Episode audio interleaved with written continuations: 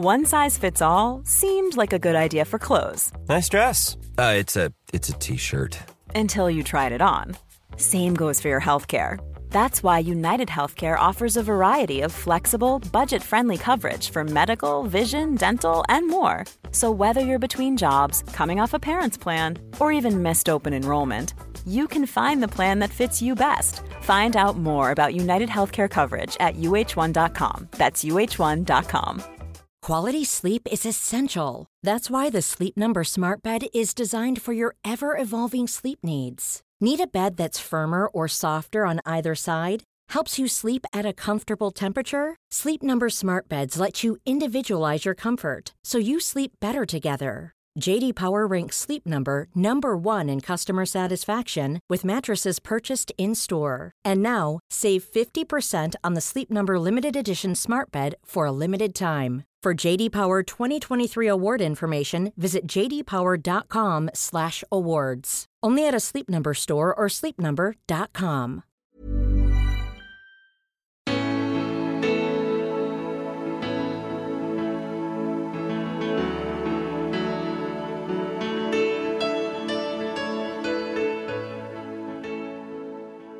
Men då var det så att huset var i så dåligt skick. Så eh, det började regna genom taket. Istället för att reparera taket tömmer de fjärde våningen, sen tömmer de tredje våningen. Sen tömmer, alltså det är sånt, istället för att göra något åt det, putsen går av på framsidan och sånt. Allting är i förfall. Men man gör ingenting åt det. Man flyttar ut familjen en, en våning i taget i takten med att det regnar igenom. Jag litar ju, jag hade två vänner som jag stenhårt litar på och de kunde jag lita på. Men det är väldigt få. Uh, absolut. Och min mamma kunde jag lita på, min bror kunde jag lita på, det visste jag. Men din pappa? Nej. Man förstår inte att allt det självklara inte är så självklart. För mig var det en gåva och för mig är det fortfarande en gåva att vakna varje dag och leva i frihet. Få säga och tycka vad jag vill, det är en gåva. När jag var fyra år fick jag för första gången stifta bekantskap med DDR, landet som mina föräldrar flytt från sex år tidigare. Jag skulle hälsa på min mormor, morfar och farfar för första gången. De följande två och en halv decennierna fick jag på nära håll uppleva ett ockuperat land med en förtryckt befolkning och en ekonomi i fritt fall. Samma land som dagens gäst är uppvuxen i. Skillnaden var att jag kunde åka hem till friheten. En frihet som stannade vid en dröm för henne. Det här samtalet blev väldigt speciellt för mig. Det berörde mig på djupet. Det är en skakande berättelse inifrån en diktatur där barn inte ens kunde lita på sina föräldrar. Det är också en påminnelse om att vi inte får ta vår yttrandefrihet för given. Möt dansaren som flydde DDR. Ota Gyttler Offerlind. Välkommen till podden Spännande möte. Tack. Eh, vi sitter ju hemma hos dig och eh, spelar in. Och eh, vad jag förstår så är ju det din poddpremiär. Ja, det är Ja. Hur känns det? Jag skulle hellre dansa lite. Men jag ska försöka prata. Vi kanske, kan, vi kanske kan spela in en film. Nej, nej, det går bra. Du, men eh, hur mycket offentlighet har man som, eh, som dansare på Göteborgsoperan? Ja, det kanske beror lite på. I, under min tid var det fortfarande så att man körde lite mer klassiska med huvudroller och solister. Och, eh, som solist fick man lite mer uppmärksamhet, lite artiklar i böcker, lite grejer och sånt. Så nu är det kanske mer ett kollektiv eh, som är mer modern, som får väldigt mycket uppmärksamhet som kollektiv, men där det inte lyfts ut enskilda individer på samma sätt som det gjordes när jag var aktiv kanske. Men du hade en del eh, artiklar eller var det mycket press? Eller, Inte mycket, men jag har haft några artiklar, lite i böcker. Ja, lite... Radio TV? Radio var jag ju mest för jag samlade in pengar till en skola med en kokbok som jag lanserade från kompaniet eftersom vi var så många olika nationaliteter. Så gjorde vi en recept från vårt hemland och så samlade in pengar till en skola i Tibet. Och då var väl det som radio tyckte var intressant. Mm. Så det var väl inte riktigt kopplat till dansen utan mer till danskokboken vi gjorde på kompaniet. När jag gjorde lite research på dig, mm. vilket jag alltid gör mm. rätt så mycket um, på, på de jag intervjuar, mm. så lade jag märke till att du finns inte på några sociala medier. Nej, jag gillar inte det. Varför det?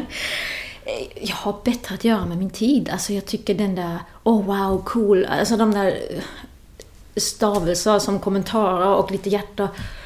Det tar så mycket tid. Jag vill inte spendera min tid med det. Jag är tidsfascist. Men det går så väldigt mycket tid åt det och den har jag inte. Jag vill spendera den på annat sätt. Hur yttrar sig tidsfascism? Eh, att jag försöker skala bort det som är helt onödigt.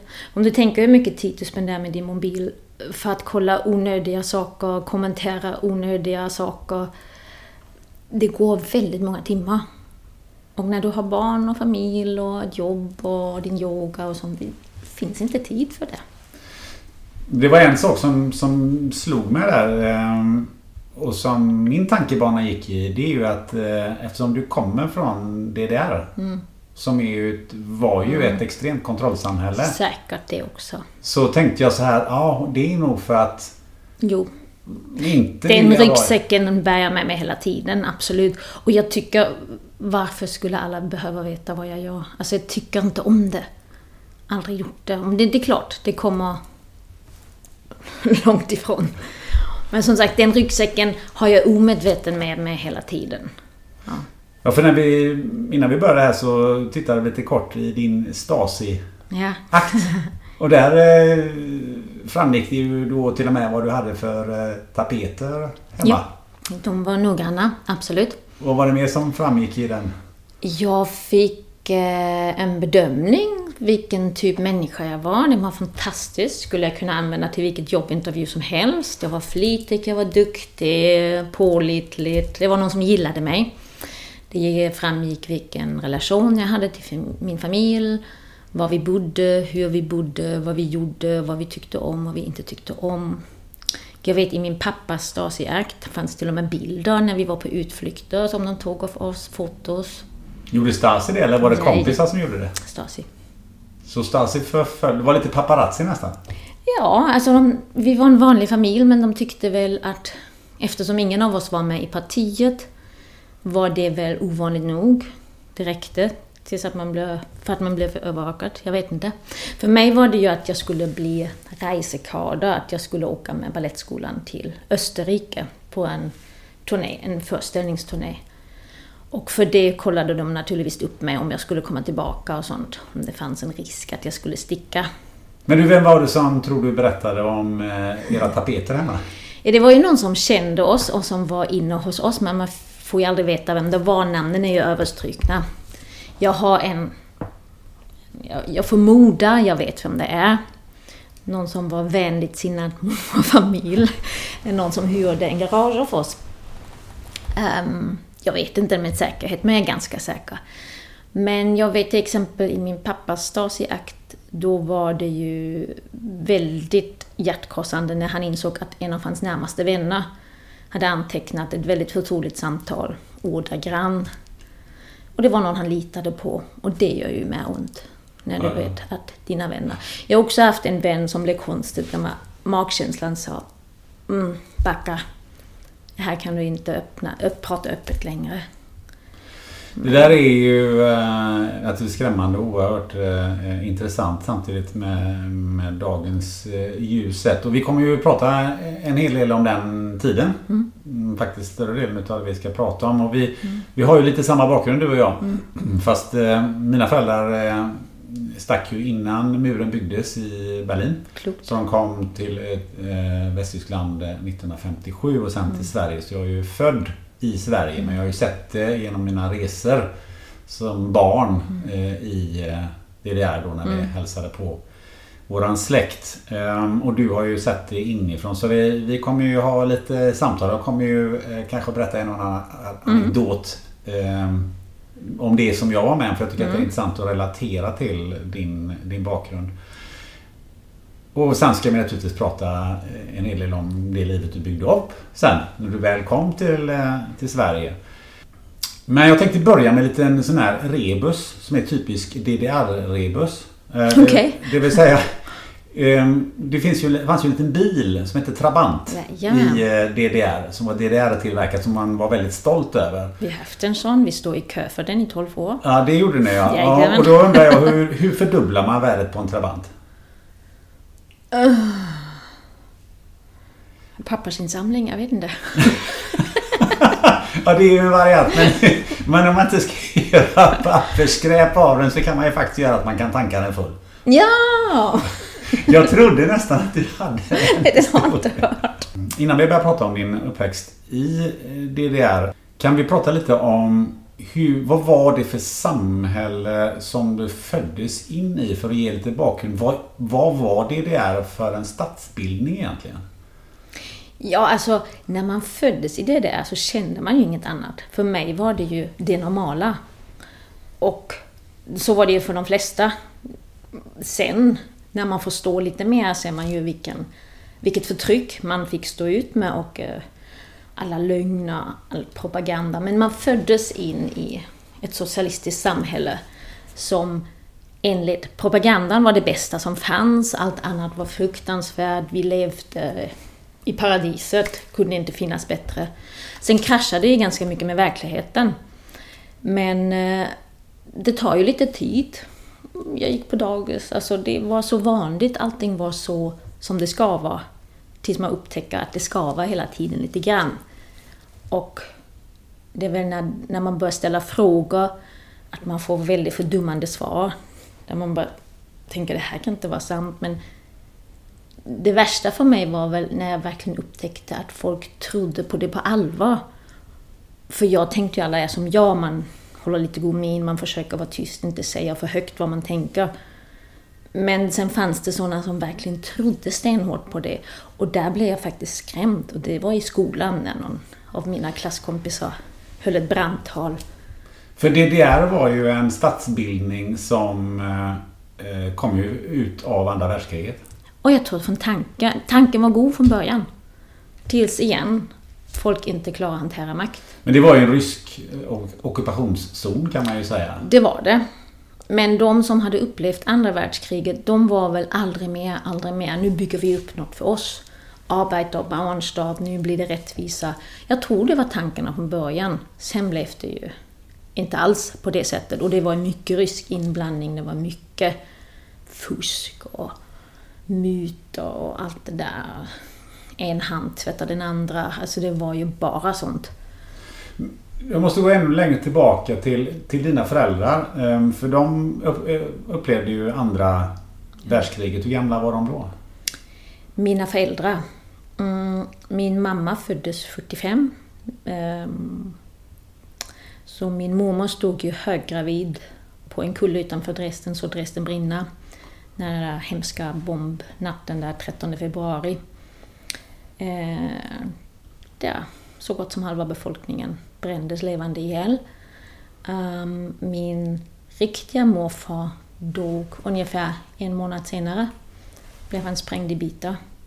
Så han fick aldrig träffa min mamma, som föddes några veckor efter hans död. Så där um, i ett utbombat kaputt Dresden fanns ingenting. Jag vet att de försökte byta cigaretter mot mat och alltså det var verkligen hemskt. Mamma fick sån här kondenserad mjölk, sån här väldigt, väldigt sött, det de kunde få av ryssarna. De försökte byta varor med ryssarna. Så hennes tänder gick ju sönder och sånt, men det var det som fanns. Det var hemska tider. Hennes bror dog på grund av dålig mat. Alltså det är hemskt. Vi drabbades nog ganska hårt. Ja, för den delen av eh, Tyskland drabbades ju sen även väldigt hårt eh, just genom den ryska Ja, ockupationen. Varför ställer frågan är nämligen att eh, eh, mina föräldrar var ju då något äldre. Eh, och de, de hamnade på den amerikanska sidan först egentligen. Och sen så eh, drog amerikanerna till, sig tillbaka för ryssarna fick en större del av, av eh, DDR, då, eller Tys- Östtyskland som, som man sa då, eller östra Tyskland mot att eh, amerikanerna fick en del av Berlin.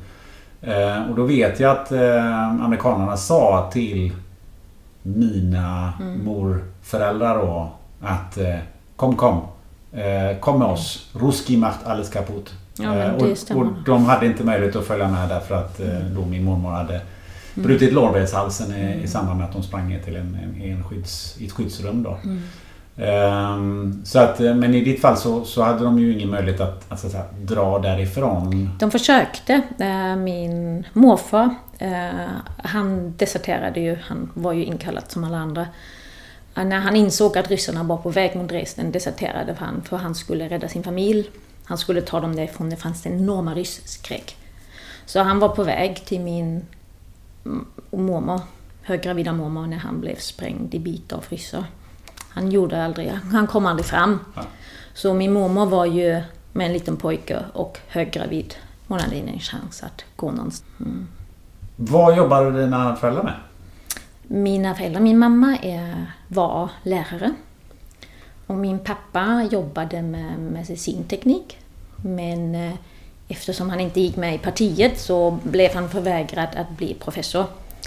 Men eh, efter murens fall gick han över till väst, fick sin professor med en gång. Men du kunde inte bli någonting om du inte hade rätt politiska åsikter. Och det är väl det som kvävde mig till döds till slutet också. Det spelar ingen roll hur duktig du var, om det var dansen, om det var din profession i medicinteknik eller sånt. Om du inte visade upp att du kunde fjäska för politik och partiet. För min fråga är det, hur lyckades de hålla sig utanför? Man var inte tvungen att gå med i partiet om man var beredd att ta konsekvenserna. Så det var ju, allt var ju frivilligt. Vi röstade frivilligt på den ena kandidaten som fanns. Alltså, allting var ju en fars, men man behövde inte gå med i partiet. Men ställdes inte väldigt mycket frågor om man inte gick och röstade? Ja, absolut. Och du fick ju konsekvenser och um, pappa fick ju inte bli professor. Men det är ju då beroende hur mycket integritet du klarar att bevara. Uh, antingen, uh, jag kände ju väldigt tydligt när jag lämnade skolan, där hade min lilla fristad. Jag fick dansa, jag var duktig för jag fick dansa. Men när jag kom till Semperopera så var det väldigt styrt från partiet. Och då hade min begåvning ingen betydelse längre. Utan där skulle jag visa politisk engagemang och det kunde inte jag. Och då skulle jag betala priset. Ganska tydligt. Men det fanns ju också en hel del eh, sådana här sublima hot som hela tiden låg eh, ja. över alla människor. Kan du mm, berätta lite om det? Ja, alltså till exempel min mamma är ju lärare. Eh, grundskollärare. Eh, vi, vi, var ju tvungna naturligtvis att vara med på de där första majparader och sånt. Det var inte frivilligt, man fick gå där. Och eftersom jag var på en elitbalettskola var jag naturligtvis också tvungen att vara med som pionjär och efter Jotla, alla de där ungdomsorganisationerna. Men då sätter man på sig den där fylla blusen och eh. Och sen rabblar man lite propaganda och sen är det det, inte mer engagemang än så. Men min mamma fick ju höra några gånger att om du inte kan uppfostra dina barn i partiets anda kanske du inte får fortsätta som lärare. Alltså hon fick lite eh, påtryckningar där. Och när jag stack var hon ju nära att förlora jobbet. Och det var i Tyskland ganska allvarligt för det fanns ju inget socialt skyddsnät, det fanns inga arbetslösa. Så förlorade jobbet så var det en bestraffning. Hon hade en kollega som förlorade jobbet som lärarinna för hon Eh, bad om att få lämna landet. Man fick ju officiellt eh, lämna in en ansökan att officiellt lämna landet för hon hade gift sig med en tjeck som flyttade över till eh, väst, men hon blev ju hårt bestraffad för det. De mobbade henne i två år i grund och botten. Helt fruktansvärt. Hon hade ingen inkomst, hon sålde varenda grej hon ägde. Möbler, kläder, allt för att kunna leva. Vi köpte lite grejer av henne för att hjälpa. Och så får du inga besked. Och så nöts du ner och blev förnedrad. Det fanns ingen anledning att hålla henne kvar. Hon fick inte jobba, hon fick inte bidra till någonting. Hon fick bara förnedras. Och det är väl det som sker, lite sådär sublimt. Sen fanns det de saker där folk bara försvann. Men det var allvarligare än att man hade ansökt om utresetillstånd? Det vet man aldrig. Plötsligt var någon borta. Man vet inte varför, man vet inte vart de togs. De bara försvann. De kom aldrig tillbaka? Inte vad jag vet. Man fick ju inte fråga, man fick inga svar, man visste ju aldrig. Var det farligt att enbart fråga efter någon som hade försvunnit? Eh, det vet jag inte, för man visste att man inte gör så. Alltså man, man fick det med modersmjölken, vissa saker. Man bara visste, så gör man inte. För man sätter sig själv i skiten. Men blir du undervisad av dina föräldrar att säg inte så här och gör inte så här? Nej, jag tror det fattar man av sig själv. Alltså sen hemma pratar vi ju på ett annat sätt. Eh, för ingen av oss var ju med i partiet eller vi stängde av TVn när den här eviga propagandamaskinerna malde igång. Vi himlade med ögonen mot varandra när vi behövde lyssna till det. Men eh, jag tror inte vi sa oss till varandra, så här får du inte säga. Men var inte det väldigt svårt som barn? Alltså att å ena sidan så du, säger man en sak hemma och sådär, men det får du inte säga på stan. Alltså... Men du är född in i det. Hela systemet fungerar så. Det är det du lär dig från grunden. Jag, jag vet inte, det bara kommer med sig. Man får en känsla av vem jag kan prata med. Du lyssnar på hur folk pratar, om, om de verkligen menar vad de säger eller om de bara säger det för de måste säga det. Och så sonderar du. Men det går ju, alltså min pappa litar ju på sin kompis som angav honom, så det går ju snett det också. Det gick inte att lita på någon egentligen? Jag litar ju, jag hade två vänner som jag stenhårt litar på och de kunde jag lita på. Men det är väldigt få. Uh, absolut. Och min mamma kunde jag lita på, min bror kunde jag lita på, det visste jag. Men din pappa? Nej. du kunde inte lita på din pappa alltså? Uh, nej. Hur kändes det? Trist. Hur, nu efteråt, hur går din reflektion kring det? Att, att inte kunna lita på sina föräldrar som barn, det måste nog vara det värsta som... Alltså, mina föräldrar var skilda. Så pappa bodde inte med oss. Jag tror inte han skulle angett mig. Men när jag stack så var han ju på samma tillställning. Och det var inte roligt. Vad, vadå på samma tillställning? Uh, jag fick ju... Uh, I samband med att jag lämnade landet fick jag uh, fem dagars visum för att min uh, moster fyllde 50, som min pappas syster. Nej, min faster, förlåt. Min pappas syster. Och då var han där på hennes födelsedag också. Ja, okay. Ja, vi kommer in på det eh, mm. sen då. Eh, men när märkte du egentligen att den propagandan stämmer inte riktigt överens med det som vi faktiskt upplever i det här landet? För det kan man ju inte riktigt vara medveten om som tre, fyra år. Nej, nej. Det började väl i skolan. Eh, inte i början. Där var allt som det skulle för man visste inget annat. Men sen när jag började på balettskolan, då var det väldigt skönt för att hitta dansen. Hur gammal var du då? Uh, nio. Det var ju sådana elitskolor, man började tidigt och så går man bara i den skolan och de som inte bodde i Dresden fick ju gå på internat. Och eh, Dresden ligger ju i en dal. Så vi nåddes aldrig av Västtysk TV eller radio, för det gick över dalen. Så vi fick inte de signalerna, men de barn som kom från, och bodde på internat, de hade ju Väst-TV och Västradio och berättade massa saker. De hade sett filmer som vi aldrig fick se och sånt, så det var superspännande. Så de hade en liten, liten inblick utifrån som jag aldrig haft. Och där börjar man wow, finns det där? Sådana saker. Ehm, sen hade vi också det vi kallar Intershop, eh, där västtyska gäster fick handla helt andra varor än vi hade. Och där fick man ju också se saker som man aldrig hade sett. Eh, smaker på choklad som man aldrig någonsin trodde fanns för det smakar helt annorlunda där och sånt.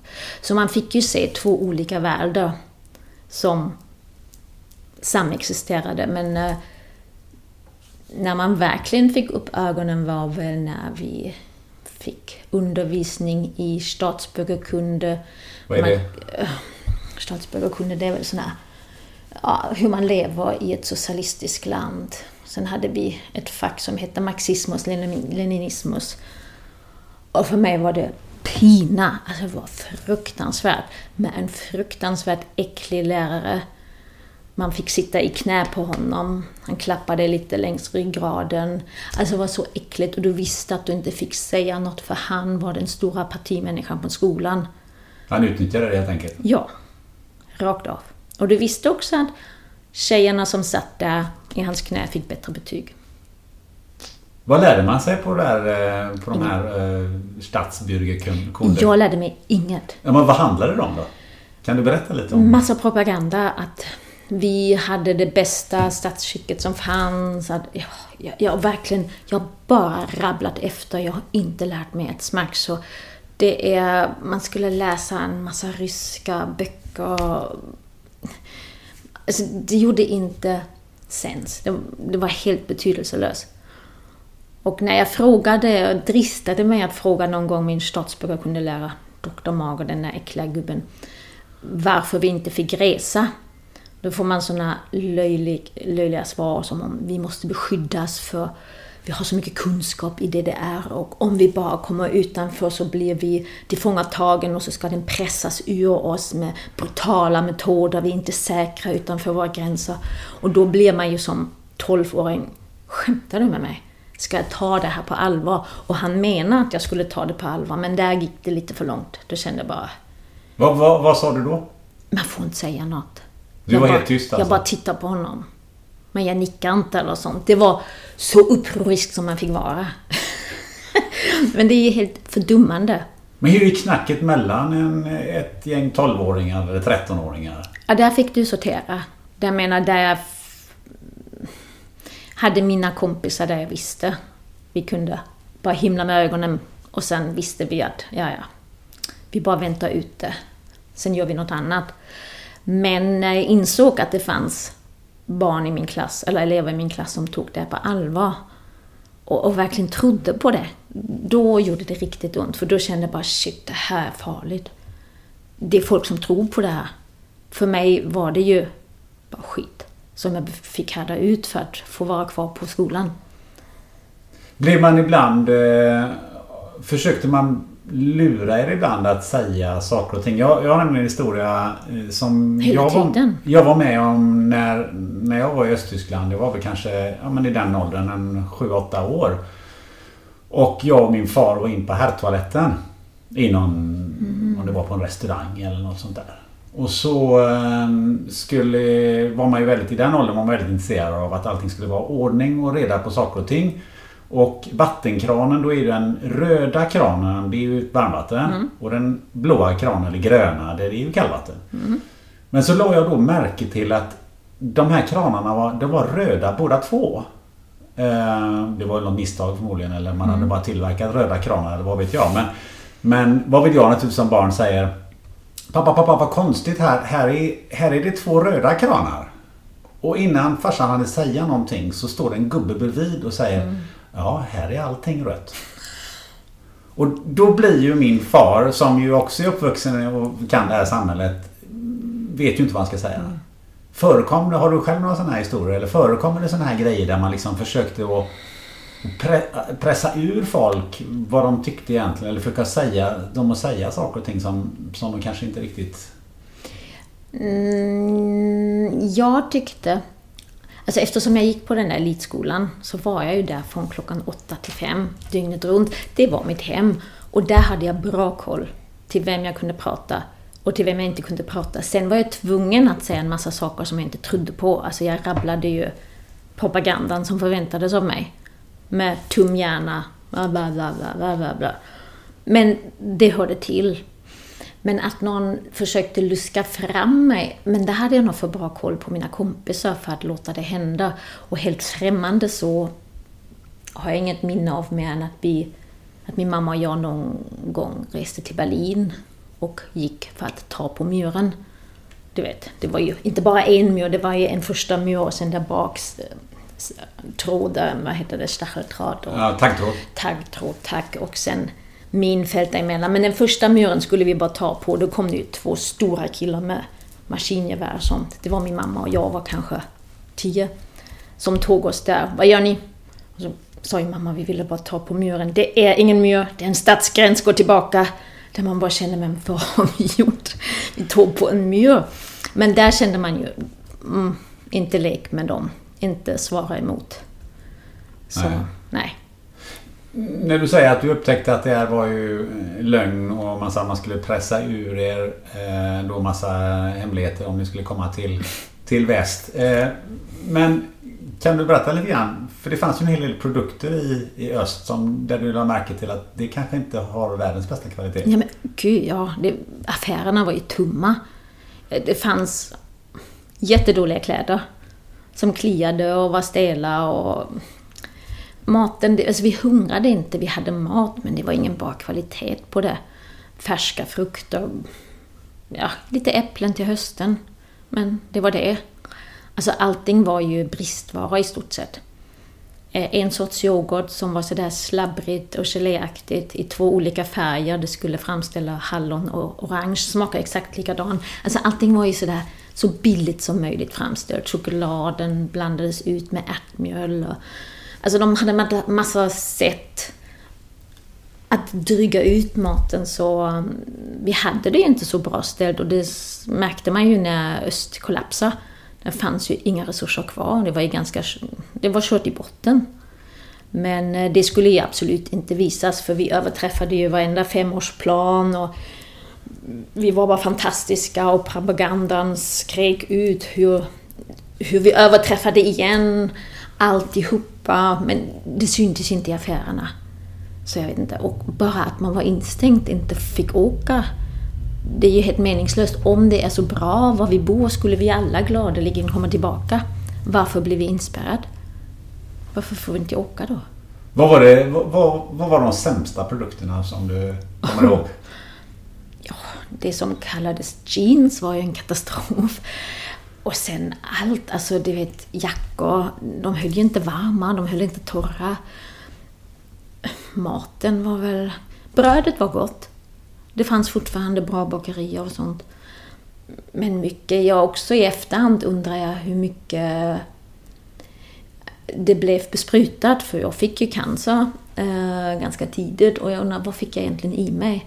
Det fanns inga innehållsförteckningar eller sånt. Det blev ju sprutat gärna på fälten och sånt mot ogräs och allt möjligt med giftiga... Alltså det spelar ingen roll. Fick du cancer som barn? Nej, eh, som kvinna. Inte som barn. Men man undrar ibland vad man fick i sig då. Så jag vet inte. Jag vill inte skylla det på det, absolut inte. Men man funderar på, för jag älskar frukt och sånt, men jag tror det blev ganska hårt besprutat alltihopa. Och sen hade ni ju en bil, ni var ju ändå hyfsat privilegierade. Ja, vi väntade 12 år på den, så det var inte så att vi gick före i kön. Vad var det för bil? En Trabant. Det var en Trabant. En... Kan du beskriva en Trabant? En liten, väldigt liten pappbil där man ja, man får dubbelvika sig för att komma till baksätena. För oss var det normalt, men nu när man ser hur andra bilar ser ut, jag förstår inte hur min mormor klarar att krypa in där bak, men ja, det funkar ju. För man var van. Däremot hade min bror någon gång en olycka med en Trabant och det splittrar ju bara upp som papp. Det är fruktansvärt farligt. Ja. Det var en av de mest osäkra bilarna man kan Ja, det måste ju vara. Det fanns ju ingen airbag, ingenting och du har papp runt omkring dig. Så kör du in i någon så är det papp. Det var alltså papp? Det var papp. Ja. Det var pappbilar. Det var helt otroligt. Mm. De rostade inte. Nej, och det var väl det man skröt med antar Ja, precis. Ja. Men de var ju pyttesmå. Alltså, du satt ju väldigt... Mm. Men är man inte van något annat så är det det man känner till. Jag har ju en historia med, med, med femårsplaner, att man skulle uppnå det. God. Jag är så trött på femårsplaner. Det fanns ju, men det fanns ju sätt att uppnå dem där på. Jag vet att min mor som då jobbade som arkitekt. Mm. Ehm, de hade ritat ett hus. Och eh, då hade man förmodligen eh, blivit tilldelad ett antal dörrar. Men så skulle det här huset innehålla dessutom ett antal rum. Och eh, eh då fick de ju rita de antal rum som skulle vara. Men det, problemet var att antal rum i femårsplanen översteg antal dörrar. Vilket gjorde att hon fick sitta och rita rum som arkitekt utan att det var någon dörr i. Vilket ju uh, hon tyckte var ju fullständigt vansinnigt. Uh, och påpeka detta. Mm. Och då fick hon ju en, uh, mm. en, en veckas föreläsning mm. Eh, i, eh, marxism-leninism. Precis. Och det är precis det som är så irriterande. Att det är inte kunskapen som styr, det är inte de som har lärt sig och förstått, utan det är de som har fjäskat för partiet som ska bestämma någonting de absolut inte förstår. Det är partiet som ska re reglera allt, men de kan ju inte medicinteknik, arkitektur, dans. De har inga kunskaper, men ändå ska de sitta och säga hur det ska bli. Och om du sen påpekar, men titta här, om man har studerat så måste du göra så här. Gäller det inte. Det är de där medelmåttor som kommer upp sig utan kunskap, men som är beredda att sälja sin själ, som sen får lite makt. Och det, ju, det finns ju många forskningsprojekt som visar vad lite makt gör med en svag karaktär.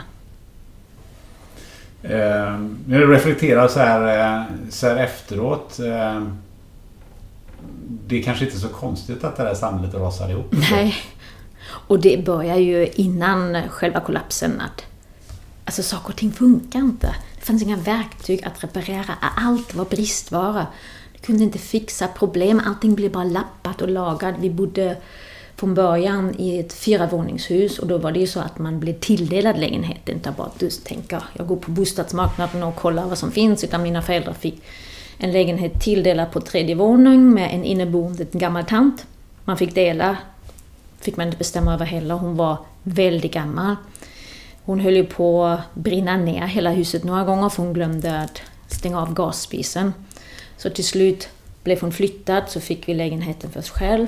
Men då var det så att huset var i så dåligt skick.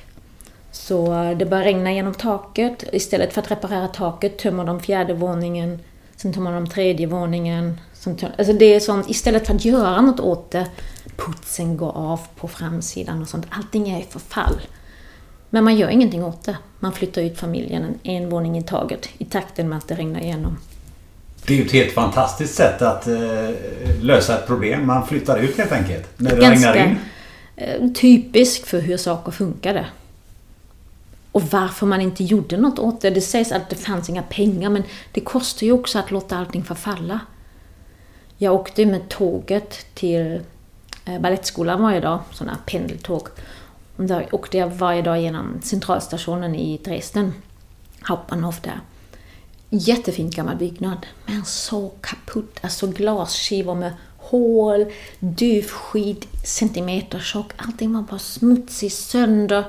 Och det gör så ont för mig, för jag var fortfarande ett barn, men jag tänkte, tänk hur vackert det skulle vara om man kunde göra rent allting, bygga upp. Det var en fantastisk fin konstruktion med stål och glas och sånt, men bara kaputt. Smutsigt, skitigt. Stora, stora iskalla hallar utan affärer, utan ingenting. Och man ser det nu. Jag blev så lycklig för det var sådär min dröm att tänk om man kunde bygga upp det här, hur vackert det blev. Och nu är det ju uppbyggt och det är hur fint som helst. Men det fanns inga intressen, det är ingen som ägde något, det är ingen som jobbade mer än man behövde för man fick ju ingenting ut av det heller. Och om du anstränger dig i ditt yrke, och ändå inte var med i partiet, hjälpte inget. Ehm, Du, du var ju inne på det här med, med skolan och lektioner och sådär. Jag upplevde ju när jag var lite äldre då och åkte till Östtyskland och man fick tag i en östtysk skolbok. Ehm, om historia. Mm, det är fruktansvärt. Ehm, Fördummad blev vi. Ja, kan du beskriva lite hur såg en östtysk historiebok ut? Jag kan först beskriva en östtysk geografibok som jag hade. Ja, Och då var ju DDR indelad i alla, bund, alla länder, det hette inte så, Bezirk hette det, Sachsen och så. Men sen västsidan var helt vitt, fanns ingenting. Vägarna slutade där. Det var bara ett land, vitt. Så, fick vi lära oss att eh, det fanns östvärlden, sen fanns ingenting. Och så var det väl lite med historia också. Väldigt mycket rysk litteratur och många ryska hjältar som befriade oss, som, som vi skulle vara evigt tacksam för och inte glömma tacksamheten mot ryska vännen. Vi fick ju lära oss ryska i skolan. när började ni med det? Ja, det var väl i femte klass tror jag. Ja, något sånt. Jag fick en medalj i ryska för jag var så bra, jag kommer inte ihåg ett ord. För jag Okej. lärde under tvång. Jag ville inte ha det. Men då var jag duktig, men kommer inte ihåg någonting. Du kan inte prata ryska då? Nej. Skulle du aldrig vilja göra det heller? Jag skulle vilja göra det nu faktiskt, men det som stor skillnad när du blir tvingad till något du inte vill. Det går inte in. Alla den där marxismens, leninismens skiten, jag kommer inte ihåg någonting. Jag bara försökte överleva, försökte säga rätt sak, inte sticka ut för mycket. För det var ju också så, jag var ju på en elitskola. Så jag kunde inte tillåta mig att visa för mycket vad jag tänkte. För dansen var ändå min räddning ur det hela. Där fick jag en liten fristad och det kunde inte jag riskera. För jag märker till, jag kommer ihåg det när jag fick en sån här historiebok i, i handen av någon anledning. Jag vet inte var jag fick den ifrån. Men att egentligen historien började liksom inte på stenåldern utan Nej. historien började vid det stor, stora fosterländska kriget. Mm. Så ungefär. Men vilket, där var, vilket var andra världskriget då? Ja, när vi blev befriade av eh, stora ryska hjältar från ondskan. Och ondskan var ju absolut där. Det är ingen tvekan om det. Men den blev inte så mycket bättre. Och befriad är väl... Ja, de tömde ju våra konstskatter, tog hem sig. Den fortfarande, Ermitagen är full med Rembrandt och Ruben som de tog från Dresden. Som... Eh, de säger inte som krigs... Eh, som utbyte för befrielsen tog de sig rätten att ta med sig de saker de ville ha helt enkelt. Ja, jag vet att min mor har berättat att eh, man till och med ryckte upp telefonstolpar. Direkt efter kriget? Allt. Och befolkningen gick ju inte heller säker. Det var ju fruktansvärda historier som vissa kvinnor fick uppleva där. Fruktansvärd. Hur var det eh, då under den tiden som du ehm, bodde i eh, DDR? Var det fortfarande så att ryssarna hade den tyrannin? Alltså vi hade ju i Dresden en stor rysk garnison där de hade många soldater och sånt. Men vi upplevde aldrig att vi hade kontakt med dem så. Men sen styrde de säkert mycket av politiken utan att vi... Vi hade ju inget att säga. Vi bara följde som ett flock får det vi skulle göra. Det fanns ju inte såna saker som vi fick bestämma eller sånt. Det här är som det är. Gilla det. Hur, mycket, hur mycket media förutom TV så kunde ni få till er? Alltså vi som bodde i Dresden, vi hade ju verkligen bara de östtyska media eftersom vi bodde i den där dalen och alla västtyska medier kom inte dit. Um, jag vet att min bror varje gång vi åkte på semester blev så överlycklig. Hade han lite sån här radio, då kunde han lyssna på annan musik och fick in lite såna här västtyska kanaler. Det älskade han. Jag var inte superintresserad, men uh, lite senare kanske. Men de som bodde utanför dalen fick ju eh, in västtysk TV och så. De hade ju mer koll än vi. Det är, ganska, det är ganska fantastiskt att eh, en stor del av den DDR-befolkningen fick in västtysk mm. TV. Men när man åkte in över gränsen så var det någonting som var helt galen eh, i från när, när man blev kontrollerad av tullare. Det var ju om man hade med sig någon sorts tysk, väst. Mm litteratur mm. eller tidningar Absolut. eller någonting. Det var nog det värsta. Du kunde nog, mm. du kunde nog fått med in knark om det var så. Mm. Men det... Inte böcker och sånt. Och det stämmer för vi har haft min äh, faster som hälsade på oss. Och de fick ju inte ta med Kalanka, äh, Pippi Långstrump. Det kallades chantlitteratur. Det var alltså inte i socialistisk anda med en flicka som var stark och inte gick i skolan. Vi fick inte läsa Pippi. Så allt sådana böcker smugglades ju in. Eller hade vi kvar från innan kriget, gamla Erich Kästner. Eh, när min pappa och mamma skildes var ju det det största bråket, vem som skulle få böckerna. Så var det? Ja. Det var det mest värdefulla. Om man nu fick tag i den här västlitteratur och tidningar eller vad det nu kan vara för det insmugglat. Mm. Vågade man ha det framme hemma eller? Alltså mellan oss, ja, men vi skulle inte skryta och visa upp det för någon annan. För ja, det var ju någon inne hos oss och kollade tapeten och annat.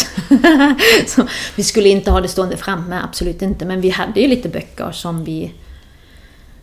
Ja, som var helgade hemma. Så de hade ett helt annat värde än böcker har idag.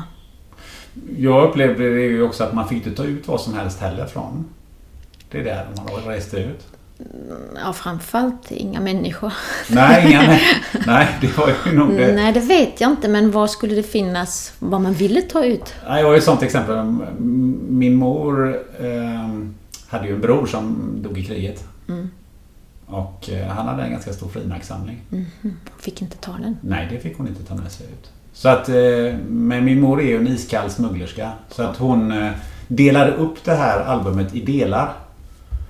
Eh, och eh, det var ju alltid hon som fick gå in till tullarna. Farsan klarade ju inte det. Och hon hade, han hade, hon hade inte berättat för farsan att eh, hon smugglade. För fa- hon trodde att farsan skulle bli för nervös. Och då hade hon kommit på det att man kan lägga, att tullarna bara koll lyfter upp ena sidan på, i, på eh, resväskan och andra sidan när kläderna ligger men aldrig i mitten. Så hon la alltid ett antal albumblad i mitten under. Och så var det någon som var eh, lite mer närgången. Och, eh, och kollade och då sa hon så här, men vad tror ni? Här kommer jag med mina barn och min familj. Vad tror ni verkligen att jag har med, med mig? Och då sa han på tyska då Vertrauen ist gut, Kontrolle ist besser. Det var ju det klassiska, det fick vi också höra. Men vi hade ju aldrig förmånen att testa vägen ut då. Nej, det förstår jag. Nej, men jag tänkte om du hade hört någonting från dina, från dina släktingar som du hade Ja, de hade ju inte så mycket kvar. Min pappas syster flydde också innan muren byggdes till Västberlin, så de tog med sig sina saker. Däremot vet jag att de tvingades ju för varje dag de kom och hälsade på oss att eh, växla pengar. Det var tvångsväxling, för vi ville ju ha desperat västtysk valuta. Så de fick ganska mycket. Det var ganska dyrt för dem att hälsa på oss. Sen stod de ju ett och ett fick de växla, vilket var ju helt rip-off. Stod ju de med de östtyska pengarna och var så, vad ska vi göra med dem? Vad ska vi köpa? Så vi försökte hitta något. De visste verkligen inte vad de skulle bli av med, så de hittade aldrig något att kunna ta hem. Fick ni lite västvaluta ibland utav dem? Eh, lite, men det var så dyrt för dem att komma till oss. Så de tyckte väl inte att det var så jätteroligt. Att, men ibland, eh, jo min pappa fick väl av och på för det var ju hans syster. Och vi fick ibland lite västchoklad som var sådär åh! Du, låt oss komma in på det här med dansen. Hur hamnade du i, eh, i Dresden och vad var det för... eh, Eller så här, om vi tar det här med dansen. Hur hamnade du in i den här dansskolan? Kan du beskriva det lite grann? allt lite av en slump, men det är ju, vi bodde i Dresden och ehm, jag föddes med väldigt långa fingrar så mamma tyckte jag skulle bli en bra pianist. Så hon satte mig till musikskolan. Eh, men eh, jag klarade inte så still och hade en liten triangel och slog för tidigt och slog för mycket och hoppade hela tiden när de spelade musiken. Så de förslog mamma att eh, jag skulle flyttas till dansgruppen. Och då flyttas jag till sån här dansgrupp två gånger i veckan. Skutta, hopp, skutt, väldigt basic. Men som det är i, östus, eller i östländer så kommer ju då folk dit och kollar barnen, de plockar ut mig och så fick jag gå på ett test för eh, Balettskolan, Palukashule. Och eh, mamma ville absolut inte det. Jag fick gå eftersom jag hade spräckt min meniskus eh, året innan så hon var hundra säkert att jag inte skulle klara det. Hur gammal var du då? Eh, åtta. Så... ehm, Hur men- spräcker man en menisk som åttaåring? man ställer sig på skidor utan att man kan det. Sen åker man ner först och landar med skidspetsen rätt in i menisken. ja, nej men då... mm, Mot alla odds blev jag antagen. Var överlyckligt. Hade ingen aning vad det betydde. Jag tyckte bara wow, dansa. Jag tänkte sån här standarddans med fina klänningar och sånt. Jag hade verkligen ingen aning vad det innebär. Men eh, när mamma insåg hur lycklig jag var över att komma till den där skolan.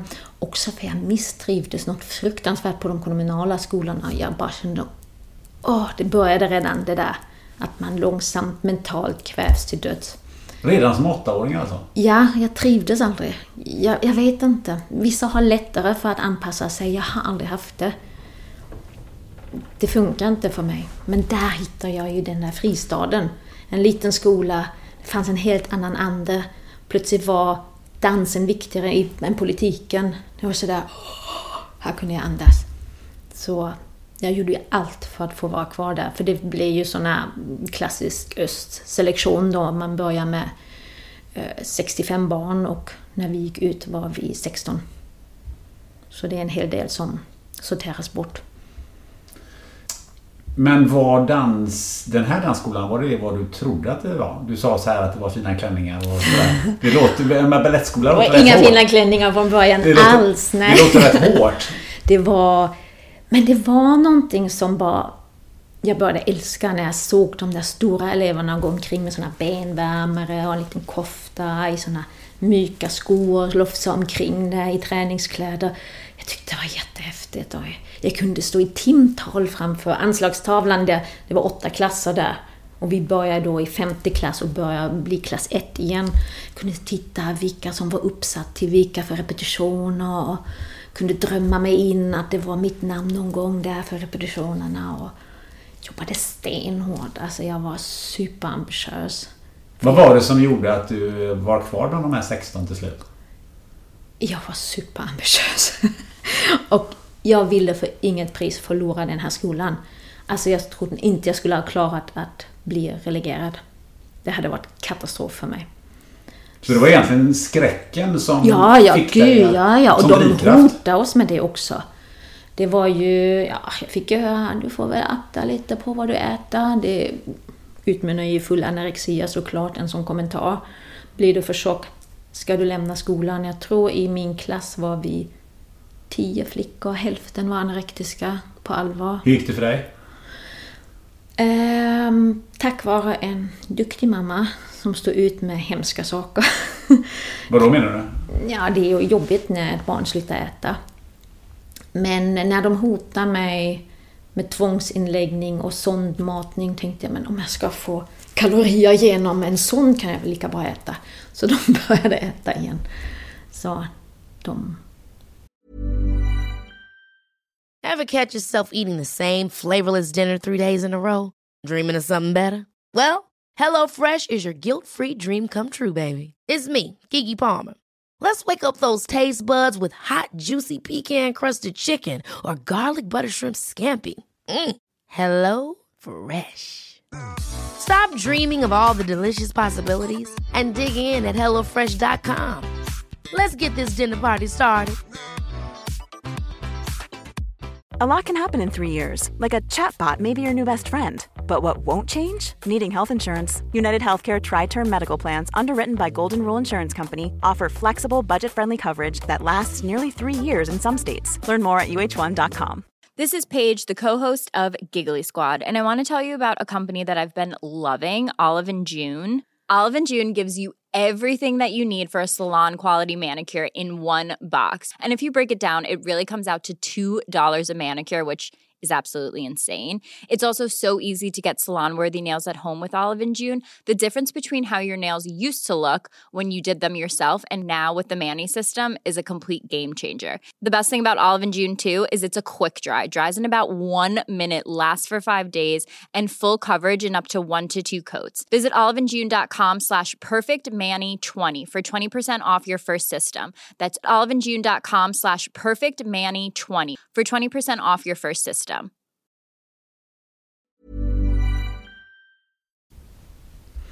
Men jag var inte speciell med det. Det var så det funkar. Det var så det var helt enkelt? Ja, ja. Det var ju snyggt. Med magra tjejer. Ja. Men det är väl, är det även om vi tar det, bara tar en kort parallell, liksom, är, är det ett problem idag också bland, eh, bland Det har dansare? förändrats jättemycket. Jättemycket. Alltså kompaniet nu ser mycket friskare ut. Och sen också när jag kom igenom det och det var en lång process för man klarar inte släppa det genom att bara börja äta utan det är ju en psykisk sjukdom.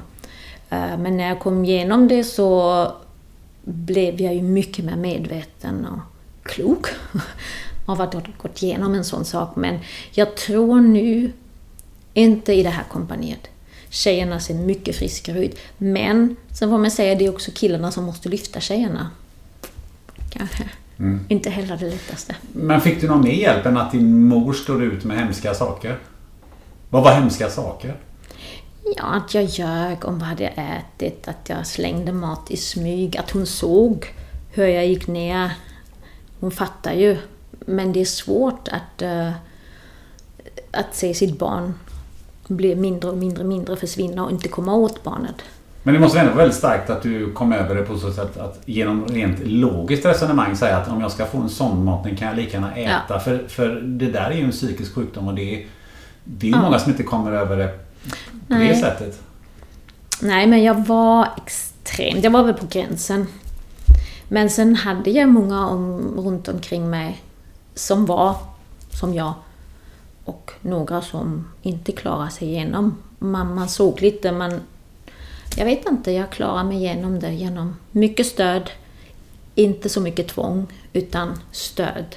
Stöd från din Ja, mamma. ja. Hur stödde hon dig i det här? Att hon inte tvingar mig, tror jag. För det är också så när du får pekfinger, nu ska du äta upp det där. Det hade inte jag klarat. Hur gjorde hon då? Hon försökte hitta... Eh, vi gjorde såna här grejer att en dag i veckan fick jag äta sötsaker. Eller sånt. Att jag tillät mig detta. Och det är sorgligt egentligen, för då vaknade jag redan jättetidigt, proppade i mig så mycket tills jag mådde illa. Och sen, jag hade aldrig bulimi, det klarade inte jag. Men eh, allting var ju så fruktansvärt osund. Och jag tror hon pratade också med mina lärare på balettskolan. Jag fick byta till en annan lärare Eh, i klassisk dans som var lite mer eh, supportive kanske i det hela. För det är också när din kropp är väldigt, väldigt mager och växer sig tillbaka till det normala så gör den det inte i jämn takt utan du ser grotesk ut i början. Och det är fruktansvärt när du ska stå i trikå varje dag med svullen mage, jättetunna armar, jätte... ingenting funkar, du tappar balansen. Så från att ha superkontroll över mat, över min kropp, var nummer ett i alla dansämnen, backar jag ju. Och det var svårt. Men det hade de ändå tålamod med då på, Ja, på skolan? jag ville sluta då faktiskt. Eh, Jag ville inte mer. Jag ville lägga av med allting. Men, eh, men det var ju för allting bara kollapsa och då pratade hon med mig och sa ge det ett år, ge det ett år. Du är så begåvad, du får inte sluta. Du kommer ångra dig. Och jag ville inte tillbaka till den andra skolan heller. Jag bara ville inte fortsätta. Det räckte. Det var för mycket. Jag var helt slut i kropp och själ. Så, men eh, jag fortsatte. Och det året var jobbigt. Hur gammal var du då? När jag kom ur? Mm, vad var jag då? 14 kanske? Någonting. Det är en tuff resa om man är så ung. Det är det. Otroligt tuff. Men när jag kom ur gick det nästa tjejen in i min klass, det vet jag hela tiden. Någon var alltid där. När du kom ur det, hur utvecklades du sen då? För du var ju... Det var ju ändå några år till innan du eh, bestämde för att nu räcker det. Jag fick ett år där jag verkligen hade mycket svårt att kontrollera kroppen, allt som hände. Men sen hittade jag en bra balans och eh, ja, från också att vara, vet, när jag var anorektiska var jag sådär, jag åkte till skolan, jag kom hem, jag övade hemma klockan sex, hade en liten stång i mitt rum, gjorde samma övningar som vi gjorde på skolan. Det fanns ju inget annat liv än skolan, hem, jobba, skolan, hem, jobba. Men sen tänkte jag jag måste släppa in lite livet. ha vänner, kunna skratta och det upplevde jag som skönt. Kunna, man har ingen energi till det när man är i den där kretsloppen. Man orkar inte umgås, man orkar inte skratta, man orkar ingenting förutom att verkligen pusha kroppen till det sista. Men när jag släppte det var det lite skönt. Så hitta... Jag hade väldigt snälla vänner som stod ut med mig när jag var som jobbigast. Som ju tog mig tillbaka som en friskare Ota. Jag säger så här, att, eh, men hur mycket har du kvar utav det som... Det måste ju ändå ha påverkat dig rätt mycket. Jag menar det här med kontroll och, och de här sakerna. Och, Men jag har ju förstått på något konstigt sätt att om jag släpper kontrollen blir jag en så mycket bättre dansare. För med kontrollen är det ju bara mekaniskt, det blir akrobatik. Men om jag vill uttrycka något så måste jag uppleva något. Jag måste ju leva livet för att kunna förmedla det på scenen. Det gick in på något sätt. När fick du det? När, när kände du det? Um, jag kände det väl lite sådär underliggande, men jag kände det mest när jag fick um, en fantastisk chans att uh, vi fick Palucca, hon som ägde skolan, var en stor kulturprofil. Och hon fick från Maurice Bachar, en av de största, en koreografi i present som vi skulle få dansa på skolan. Och den ansågs alldeles för svårt för oss elever så det skulle dansas av solister från Semperoperan i vårt skolprogram. Och när de övade så, hon som dansade julen var så anorektisk att hon skulle läggas in på sjukhus. Hon var borta. Och då fick jag chansen att steppa in i en roll som jag verkligen ville göra. Jag gjorde ju sådär, snälla, snälla, snälla. Jag gjorde ett deala med ödet, om jag får dansa där. Och då skulle jag gestalta en ung tjej som är kär. Jag har aldrig varit kär. Så jag behövde ju känna hur är det, så jag måste kunna förmedla det. Och där fattade jag, men jag måste ju kunna leva och, och, och hitta känslorna.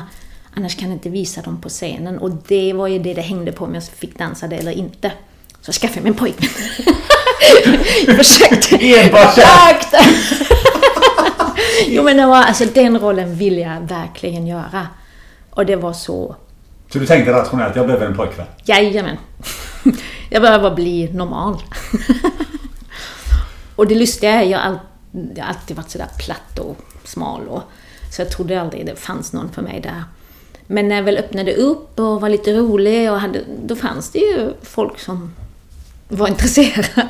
Så det var inte så som jag trodde, att det inte fanns någon där. Men ehm, så jo, så jag, jag fick dansa den rollen. Du nämnde just Gret eh, Paruka och hon mm. hade ju faktiskt bott i väst. Mm.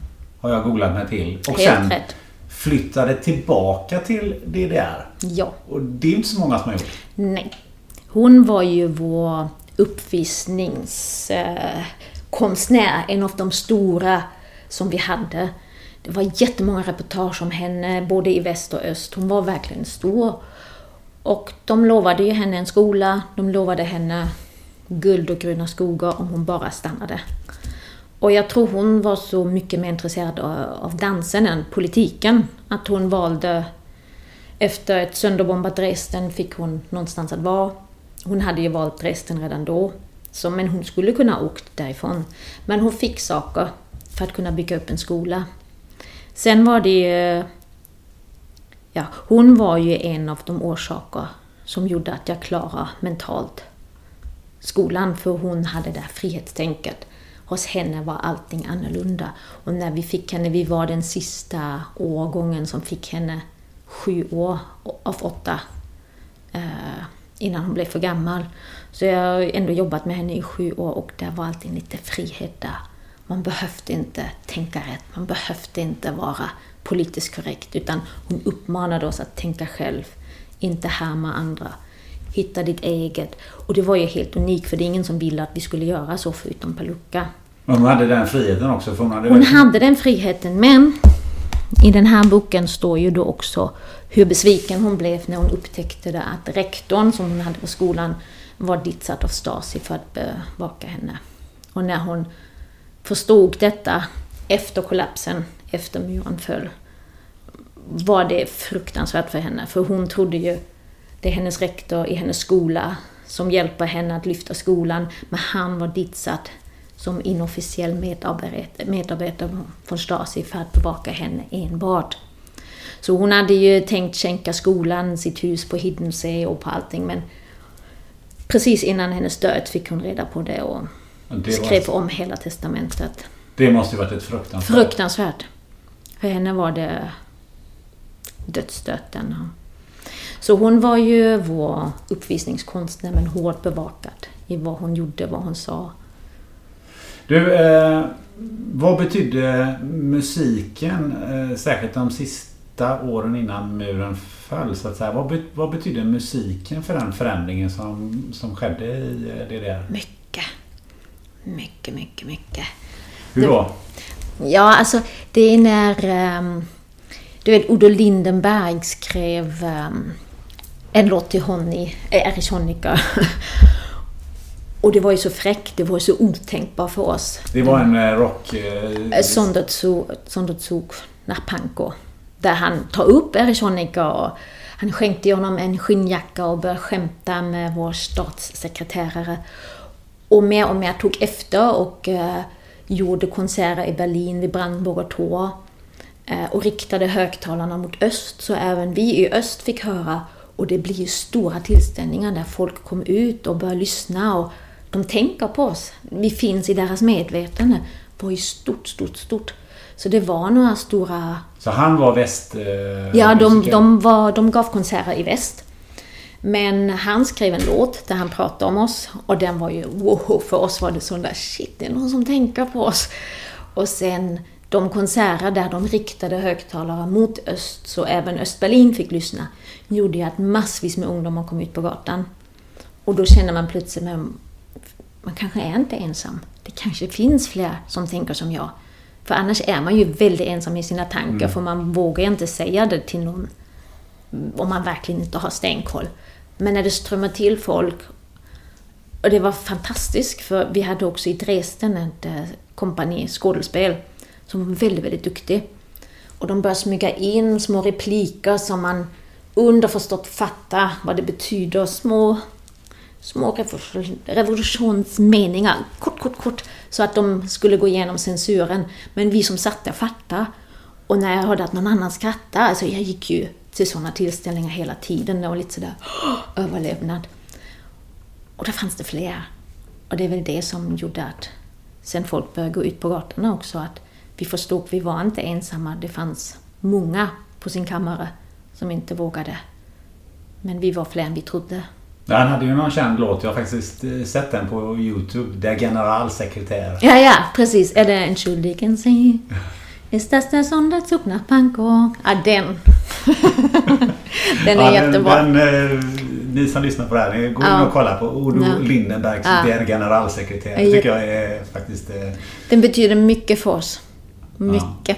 Hur kom det sig att man inte då tryckte ner befolkningen när folk började gå ut på gatorna? För det hade man ju gjort Precis. vid tidigare tillfällen. eh, Precis. Jag tror det var 1953 till och med. Eh, och, och då lyckades man ju kväsa det här och man Mm. gjorde ju eh, något liknande i... i, ehm, eh, jag vet, vad sa du? Förlåt. Nej, det är ingen fara. Eh, Man gjorde något liknande i eh, eh, Tjeckoslovakien. Ja, Ungern, Tjeckien. Men varför hände det inte i eh, DDR eh, 1985, 86, 87? Det är ingen som vet. Jag var ju fruktansvärt rädd för jag var redan borta då men jag visste att mamma och min bror var ute. Så jag var livrädd att de bara skulle dö. Um, och det blev ju mer och mer. Och förr eller senare har man ju bilderna från Himmelska fridens torg i huvudet. Det börjar fredligt, ingenting såg ut som skulle eskalera, sen gör det bara det. Så där trodde vi skulle hamna. Varför det inte blev så, jag vill tacka Gorbatjov för det, jag vet inte om det är han. Men någon gång, på något sätt kommer aldrig signalen från Ryssland slå till. Och politikerna började tveka, var sig inte helt eniga. Vi var kört, ekonomiskt var vi kört i botten. Det fanns ingenting att hämta. Så jag vet inte, det kunde ha gått bägge vägar. Att det gick som det gick, jag kan fortfarande inte se bilderna från den dagen utan att storböla. Det är så stort. Jag tänkte på det eh, för jag eh, läste bland annat eh, att Ronald Reagan var ju också en sån Mm. som, som satt här på något sätt med maktmedel då Mm. egentligen tvingade östblocket att öppna sig. Sånt fick vi aldrig reda på. Vi var ju bakom järnridån. Så vi vet inte. Sen i efterhand kan man läsa sig till. Sen var ju mycket, lite missförstånd där när det läses upp att man fick gå över. Alltså små, små saker som föll Men ihop. innan dess så, så vet jag, finns ju en annan artist som ju faktiskt fick tillstånd att eh, spela i Östberlin. Bruce Springsteen. Ja, just det. Men bara en gång tror jag, för andra gången var det för mycket. Det var ju vad sa? 88 och vad, har du någon minne av den konserten? Jag var inte där. Det är inte så att man fick biljetter för den. allt händer genom connections i Tyskland. Det är inte så att man bara kan ställa sig vid en kö. Några kanske ju kunde göra det, men du behövde känna någon som kände någon som kände någon och sen kunde du fixa. Men det måste ändå varit många som kände någon för det var ändå 300 000 ja, människor ja, där. ja, gud ja. Ja, ja, ja. Har du sett den här eh, konserten efteråt? Nej, jag har inte det. Jag kan säga så här att eh, jag gick faktiskt in på Youtube och kollade. Ja, det kanske jag borde göra. Han pratar ju till och med tyska. Ja, vad kul. Nej, nej jag har inte sett Nej, den. gå in och titta på det. För Det det jag verkligen har sett jag tror att, ju eh, om du, om du, lite mer min musik är Pink Floyd när Jo. de gjorde The Wall. Ja, jag förstår det. Men jag tror att eh, om du, om du gråter när sådana här bilderna så tror jag att du, du Mm. Ah. gråter när du, när du Men ser jag, det där. jag är ju verkligen väldigt bölig när det kommer till den punkten. Ja. Det, Men jag, för um, när han säger där att han inte, han är inte här för någon statsmakt eller för Mm. någon, någon president, varken öst eller väst. Jag är här för att spela rock'n'roll. Um, mm. Men eh, jag är... jag blir själv rörd. Ja men det, det är så. Men att någon gjorde sånt. Var Ja, man sa det att, att jag är här, men jag är här för att riva eh, murar. Tack varenda en som, eh, som tänkte på oss. Mm. För det är så lätt att tänka statsskick och bara tänka de höga gubbarna som sitter där. Men det finns ett brett folkmassa som faktiskt lider av förtrycket. Men så en dag så kom den här möjligheten att, att eh, sticka till väst. Det var lite lustigt för det kom ett... Det började bubbla lite, så de försökte lugna folk. Så från och med första januari 89 skulle det vara tillåtet att söka om resetillstånd för max fem dagar till väst om man hade en släkt av första graden eh, som fyllde 50 eller gifte sig. Och just då skulle min faster fylla 50 den 25 januari, nej 29 januari eller något sånt, 25 Var det i Västberlin? i Västberlin. Och eftersom jag då var precis en riktigt dålig fas, jag hade kommit från min lilla skyddad verkstadsskola till teatern som styrdes inte av en ballettkunnig människa utan av en partibonse.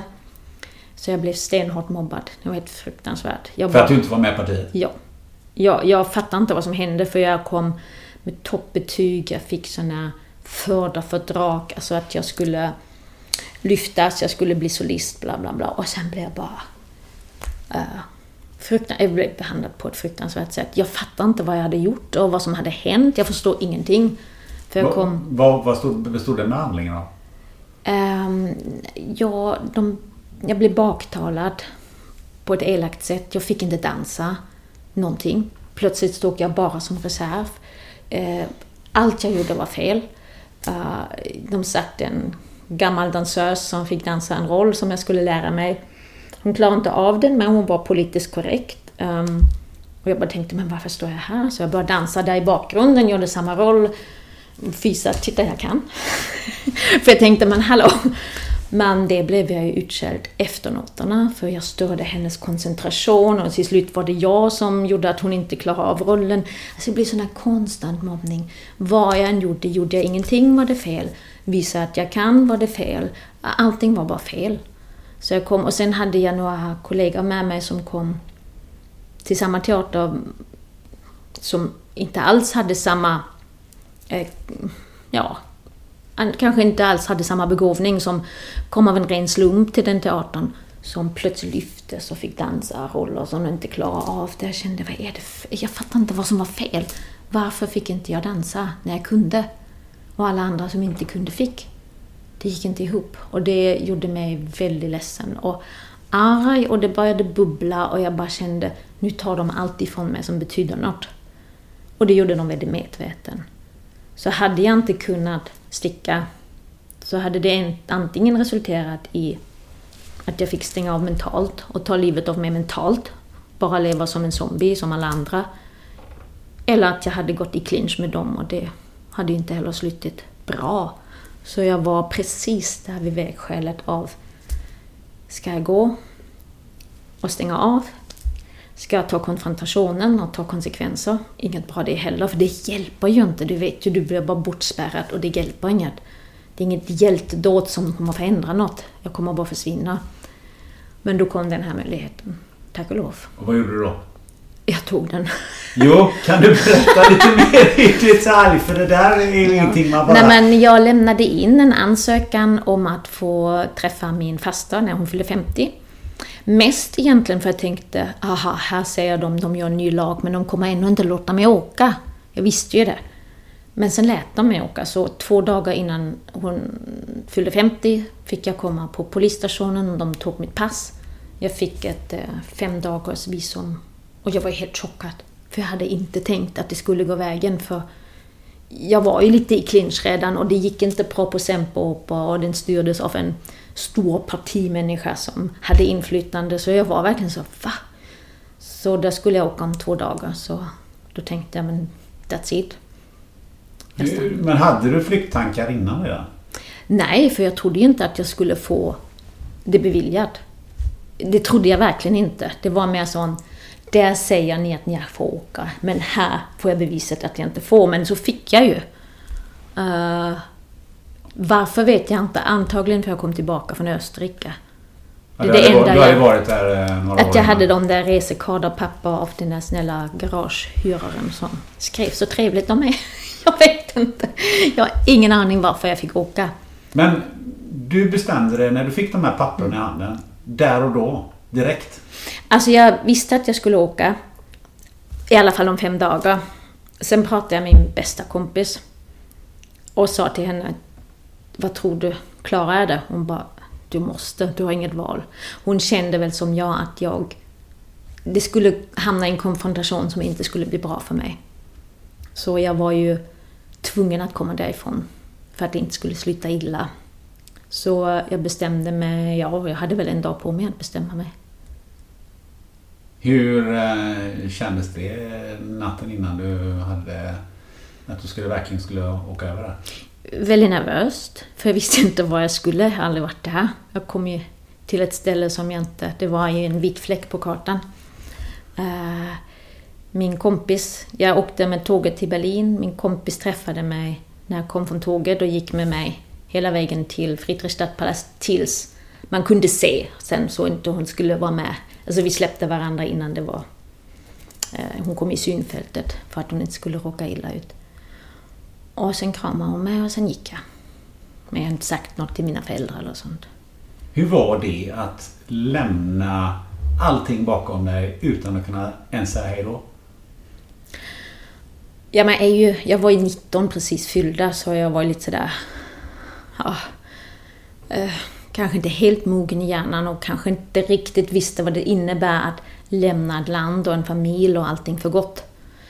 Men eh, framförallt var det nervöst för när du ska gå igenom där med din väska. Jag hade stoppat in tre par tåskor så jag skulle kunna dansa några danstrikåer.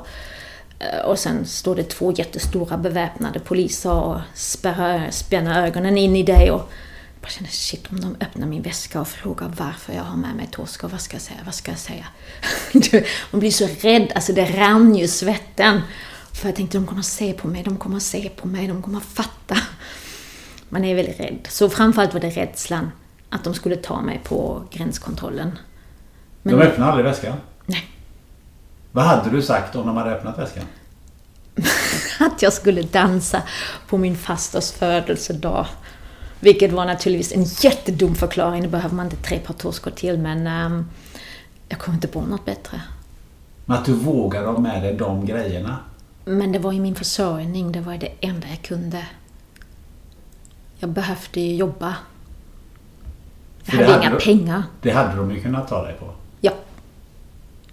Det hade de.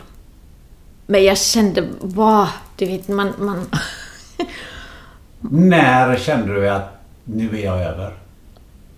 när jag fick gå vidare. Men nu hade du det där liksom att Ja, undra om de tar mig sista steget? Jo, hela tiden. Men sen stod ju min faster på andra sidan och väntade på mig. Och när jag kramade henne tänkte jag, nu kan de inte ta mig med. Nej. Och det var ju helt otroligt. Hur var den känslan? Underbart. Det var stort. Samtidigt väldigt skrämmande för jag visste att jag kunde inte stanna hos henne. Eh, Jag hade ingen support av min familj i att lämna landet. Eh, Min pappa var där så han blev jättearg när jag sa jag åker inte hem. Alltså de ville tvinga mig tillbaka. Så jag stack ju därifrån. Men du var med på festen? Jag var med på festen. Sen ville de eh, eskortera mig till eh, gränsövergången. Men eh, Men du vågade säga att du skulle stanna innan du var på festen? jag sa till dem en nödlögn för de blev väldigt sådär Nej men nu åker vi tillbaka för alla var ju rädda vad det betyder för dem. Framförallt min pappa då. Så um, jag sa att jag har sjukskrivit mig, att jag har kollat att det funkar och jag ska träffa en vän och vara någon dag extra här och sen tar jag mig själv tillbaka. Och sen stack jag. Jag har ju någon liknande historia från, från mina föräldrar som ju stack också via Fredrikstad. Men det var ju då med tunnelbana. Och, eller S-Bahn var det. Eh, och eh, mm, de åkte i två olika vagnar. Eh, och eh, eh, för att, de, för att de inte skulle bli misstänkta att de skulle sticka tillsammans. För man var ju otroligt misstänksam då, redan då 1957 mot att folk stack. Ehm, och ehm, just i, jag tror det var i Friedrichstrasse, så blev morsan upplockad. Och farsan åker förbi och ser att hon stod på perrongen. Eh, Så att... ehm, Men eh, apropå historien med eh, frimärksalbumen som jag sa tidigare, min morsa är ju iskall. Så att hon pratade sig ur det där och åkte med nästa tåg. Har du sett uh, Schweigende Klassenzimmer? Nej, En jättebra film. Om du vill kan du låna den. Det är Ja. precis det. eh, när de ska ange varandra, vägra och till slutet försöka innan de stänger helt. Jättebra. Innan, när, när vi var ändå inne på det här med att se eh, filmer och så vidare. Jag kan ju då rekommendera att se Söndag. Flykten från DDR. Söndag, vi har bokat biljetter. Ja, jag kan rekommendera alla andra också att se den filmen. Den är, den är ju helt verklighetsbaserad och den är... Ja, Ja, och den där Schweigende Klassen som är också en sann historia. Så det... jag satt ju på nålar. Trots att jag visste hur det där skulle sluta. Så satt jag på nålar i två timmar. Men jag tror den rädslan, den går inte att förstå Nej. när man inte upplevt den. För man är så maktlös och de kan göra med en vad de vill. Hitta på vilken historia de vill. Man kan aldrig få rätt. Den där övermakten, den är så... Bra. Ja, det är tungt. Du, eh, men sen så kommer du till, till väst. Vad hände sen? Varför hamnade du i Sverige? För jag har alltid önskat mig detta. Vadå? Nej men en av mina, verkligen, och det är sant, en av mina absolut starkaste barndomsminnen är när vi på sommarsemester, vi åkte alltid till Osse, vi hade en vän som kände en vän som en kände en vän, så vi fick bo i ett litet stall. Och, Vid Östersjön? Ja, för det var jättesvårt att få plats där om man inte kände någon. Men då hade vi alltid en dag i Sassnitz. Och där stod vi varje gång när vi var där, en gång om året, bakom en stort taggtråd och så färjan åka till Sverige. Och det var, alltså jag vet inte, jag bara stod där och visualiserade hur jag satt åkte med, med den där färjan till Sverige. Det var den absoluta drömmen och alla människor som åkte den måste vara de lyckligaste i världen. Och det är lustigt nog en av mina starkaste minnen. Hur jag visualiserade mig på den färjan. Vi kanske såg varandra för att... Eh, Ni jag åkte med den? Vi åkte med den.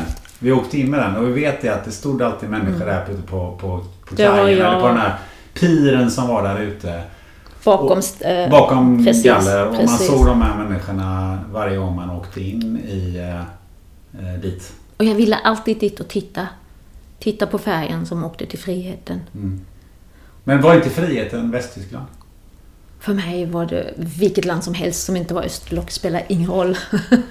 Men varför tog du dig från Västtyskland till, till Sverige då? Det var på grund av jobbet. Eh, Jag fick ett erbjudande eh, från dåvarande ballettchefen för Göteborgsoperan. Och eh, ja, Sverige har ju alltid funnits i mitt hjärta utan att jag visste mer om Sverige än ABBA och knäckebröd, typ. Det var det jag kunde. Och så hade jag alltid tänkt att det kan vara nyttigt att jobba utanför sitt eget land. Så jag tänkte jag kommer hit för ett år. 94 när Göteborgsoperan öppnade och så fastnade jag. Varför fastnade du? Eh, Först för operan är ett fantastiskt ställe att jobba på. Eh, Utrymmena, klimatet, atmosfären. Sen fick jag roliga saker att dansa som jag tyckte var väldigt kul och sen träffade jag Dan, Din man? min man, som flögs in för min partner hade skadat sig så jag fick Dan som min nya partner. Han flögs in från... Ehm, då var han i Härnösand, uh, Nordans.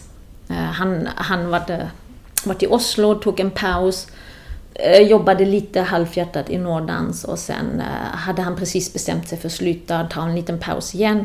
Men då behövde jag en partner. Och då fick du en partner. Då fick jag en partner som i början var livrädd för mig. För det var en väldigt svår roll, den står här med i boken också. Eh, och jag var ju så ambitiös, så jag skulle ju öva, öva, öva. Han var helt i chock.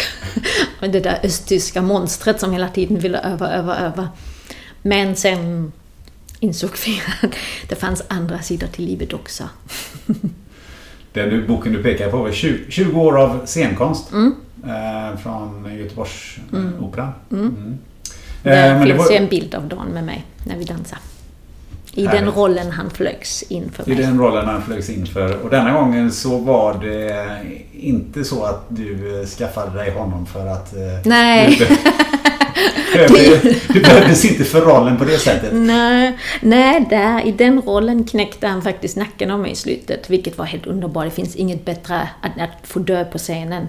Vad, vad menar du knäckte nacken? Ehm, men det är Månrenen. Det är en eh, samisk historia om eh, ett, en flicka som förvandlas till ett vit rendjur när det är fullmåne. Och han var jägaren, samtidigt kär i den flickan, men han visste inte att månrenen, som alla ville jaga och få, är hans älskade flicka. Så han eh, fångar rendjuret, eh, knäcker nacken av henne och i dödsögonblicket förvandlas hon till till hans flicka. Så det är väldigt sorgligt, så jag fick ju döda på scenen i hans armar. Det var helt underbart. Varje kväll. Ja men det var så. Han var så snäll och höll mig så fin och jag tänkte... Mm. Det kan han få göra även utanför Det var scen. jättefin. Väldigt svår roll också för honom stackarn. Så det var väldigt skönt att pusta ut och bara bli hållen. Du, hur mycket av din historia har du berättat för dina barn sen? Alldeles för lite har jag märkt. Eh, för ehm, när det var 25-årsjubileum för Muren, då var det ju på, vi tittar på Kika för de ska lära sig tyska. De kan tyska men det ska bibehållas. Så hade de ju bildat en jättefin eh, kedja av människor med heliumballonger. Och så släppte de alla ballonger. Och det var jättefint. Och då började böla igen. Och då sa Dan bara, titta där har mamma bott. Och de var så, vadå? Och jag tänkte, men shit. De vet inte även. Jag har inte berättat ordentligt. Så där slog det mig att jag har ett jobb att göra. Jag ska skriva en bok till dem. eh, Berätta lite. Inte bara till, bara till dem eller? Nej, eh, till på riktigt. Jag har börjat och inte fortsatt. För den, sen kom massa yogalärarutbildningar emellan. Men eh, jag ska skriva den för det är så mycket subtila saker som man inte tänker på som händer en. Som formar ett samhälle där man tror de är helt ofarliga. Det, ah, det är enstaka företeelser. Men som ett mönster som sen plötsligt antingen välter ett samhälle eller bygger upp något fruktansvärt. Så jag tycker det är viktigt att de vet eh, att man måste ha en inre kompass. Och man kan inte sälja sig. Jag fick ju det i modersmjölken precis som du fick Mm. andra saker i modersmjölken. Och, och det jag inte fick i modersmjölken det lyssnade jag mig till för jag gömde mig under bordet eller Mm. bakom någon dörr eller något sånt där. För jag tycker det är oerhört fascinerande som barn. Fick jag inte bara höra östtyska historier utan Mm. även Eh, vilket var ännu mer fascinerande naturligtvis eh, historierna från andra världskriget. Eh, så att eh, när jag började skolan var sju år då var jag ju fullärd i tysk historia i alla fall. I alla fall nutidshistoria. Så att eh, Men det är ju oerhört eh, Det är ju oerhört fascinerande. Det är det och det finns inte bara bovar, det finns också folk som hjälper varandra och stöttar varandra. Sen är det hela tiden att du inte kan lita på folk som är jobbiga. Och att det är så lätt. Jag är bara, jag är bara glad att jag kom därifrån i rättan tid. För jag tänkte, hur sårbar blir du inte när du skaffar barn och sånt? Men du visste ju inte att muren skulle falla. Nej, hade jag vetat det hade jag inte gjort allt det där. var ju ganska besvärligt. Jag kom ju till ett land med en väska och ingenting. Um, bodde hos en gammal gubbe som sen ville basta med mig och visa mig sina är från kriget. Där jag bara kände, oh shit, jag måste sticka. Bara, uh, uh, uh, uh. Tog min väska, sprang. Alltså det, det var ju verkligen, man var ju i ingen mans land. Men var fick du jobb någonstans då? Varför ett språng tillbaka här. Eh, Ja, först fick jag ju fixa pass. Och sen när jag hade fixat pass, det tar ganska lång tid, mycket procedurer man måste gå igenom, flög jag till Hamburg. Jag kunde inte åka genom Östtyskland. Sen åkte jag ner från Hamburg, från teater till teater till teater till teater till teater och i München, sen gick det inte långt ner, det var ungefär där var slut, fick jag anställning på Nationalopera i München. Men du var inte känd som sådan i väst? Nej, jag hade ju precis börjat. Alltså jag hade varit eh, ett halvt år efter min utbildning på Semperopera. Där blev jag ju verkligen behandlad som sista skiten. Eh, Så, så jag, nej. Absolut inte. Men vad kände du när muren revs? Först när jag så åkte i min lilla lägenhet i München trodde jag nu har de fixat propaganda-tv på min tv för att jag ska våga komma tillbaka som de ska bura in mig. Så jag tänkte verkligen, nu har de hittat ett sätt att kontrollera min tv. Så att jag... Menar du det? Ja, det var min första tanke. Så de trodde, trodde att Stasi hade, hade manipulerat med din TV? Ja. Och sen fick jag prata med andra som hade sett samma sak, så jag tänkte, men det kan väl inte vara så att... Och sen när jag fattade att det var på riktigt var det ju ofattbart. Det var ju helt... Alltså för mig var det så här... Finns det? Så jag åkte ju hem. Den julen var superrädd över gränsen där. Jag kände bara, kanske ändra sig och ta mig ändå. Man vet ju inte. Men det gick ju väldigt bra. Så jag fick fira jul med min familj. Vad sa din familj när du kom tillbaka där? Eh, för du hade ju stuckit utan att de mm. visste ja, något. De fattar ju varför. Sen var det taskigt att de fick ta smällen. Och, men de sa inte så mycket. De var bara glada att vi fick ses. Vilka smällar fick de ta? Ja, mamma fick ju regelbundet komma in till Stasi-förhör och de ville att hon skulle få mig tillbaka. Att hon skulle säga att jag skulle inte bli straffad fast det står i mina akter att haftbefäl har utfärdats, alltså att jag skulle buras in. Så hon vägrade göra det. Eh, hon ville inte vara med på att jag hamnar i fängelse. Och då var det ju hotet att hon skulle förlora sitt jobb och bli skamligt behandlad. Min bror satt dem i fängelse två dagar, eller en dag eller något. Bara så, för att... Ja. Min pappa? Pappa bodde inte med oss då. Eh, jag hade inte så bra kontakt med honom där. Jag vet inte om han fick några repressalier, men han bodde Vet inte. Inte vad jag vet. Nej, men det var med... Jag hade mycket bättre kontakt till mamma och det utnyttjade de. Det där lite med känslor och sånt. Men det var, du var förlåten när du kom tillbaka? Ja, jag tror hon fattar. Sen gjorde det ju fruktansvärt ont. Alltså hon var ju vansinnigt ledsen. Plus du har ju din 19-åriga dotter i ett land där hon har noll koll och du kommer aldrig kunna hjälpa vad som än händer. Jag tror det är för när jag själv har barn måste den känslan vara fruktansvärd, att man är helt avskuren från sitt barn. Och vad som än händer så kan du inte komma och hjälpa. Hade ni någon kontakt under den tiden som du... Eh... Jag ringde lite grann men det hördes ju hela tiden klick. Så jag visste ju att vi inte pratade ensam. Så det blir lite sådär stela samtal för du vet alltid att någon annan lyssnar. Um, men jag ringde ju därifrån för att säga att jag inte kommer hem.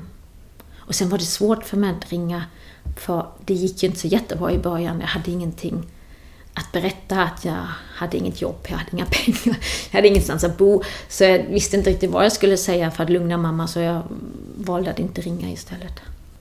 Jag tänkte vi skulle avrunda lite grann med eh, att ta en blick på det du har med dig ifrån DDR och eh, så som du ser på världen och, och, och samhället idag. För att Eh, I Östeuropa så um, finns det ju massa strömningar mm. där man går tillbaka till ett, om inte ett kommunistiskt så åtminstone ett diktatoriskt samhälle. Det är både i Polen och i, i Ungern där är väl de mest tydliga mm. eh, strömningarna. Eh, så. Hur, eh, hur ser du på dagens Östeuropa?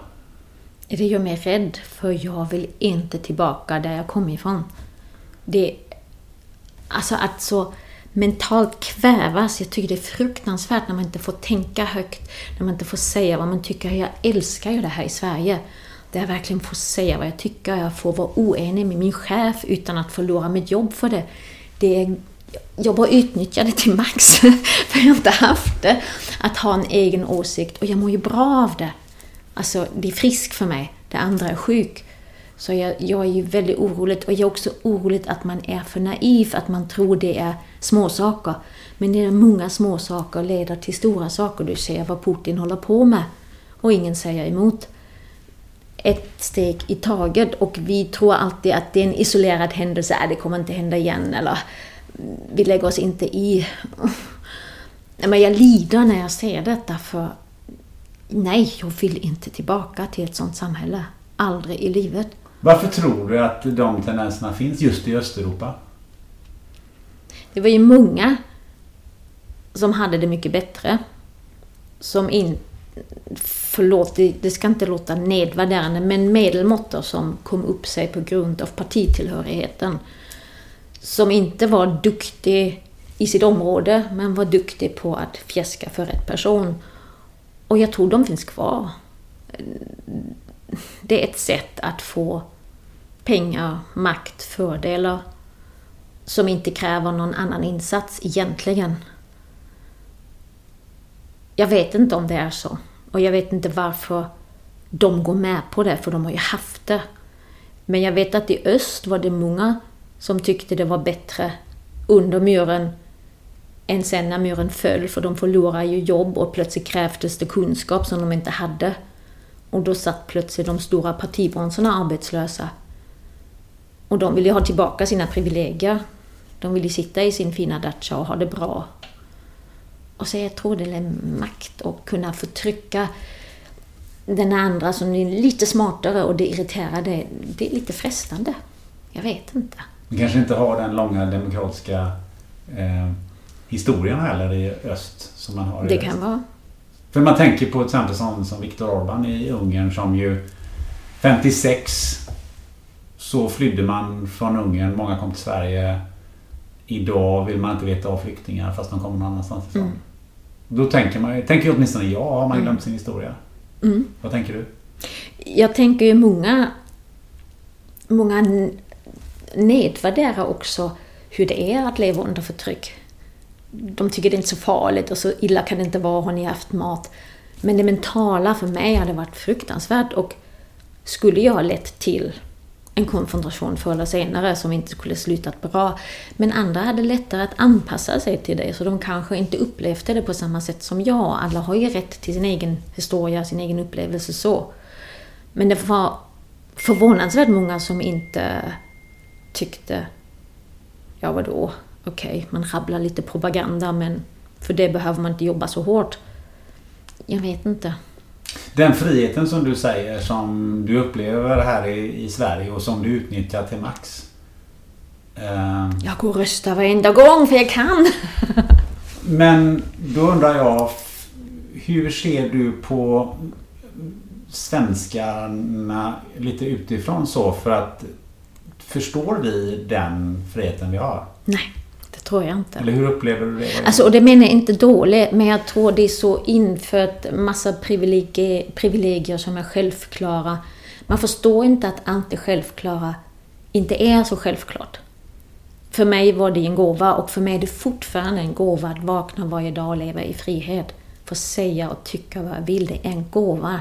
Och när man inte har det så, jag tror när man inte blir berövad detta förstår man inte vad det innebär. Eh, jag var i Tibet någon gång med tio stycken och eh, där kände jag enorm skillnad när eh, gruppen ställde sig till tibetaner som tiggde mat som blev skitbehandlade. Jag har en stark connection till dem för det känns lite som de lever min gamla historia. Och då säger svenskarna, varför säger de inte bara ifrån? Jag bara säger ifrån. Där man bara kände, det är ju inte det.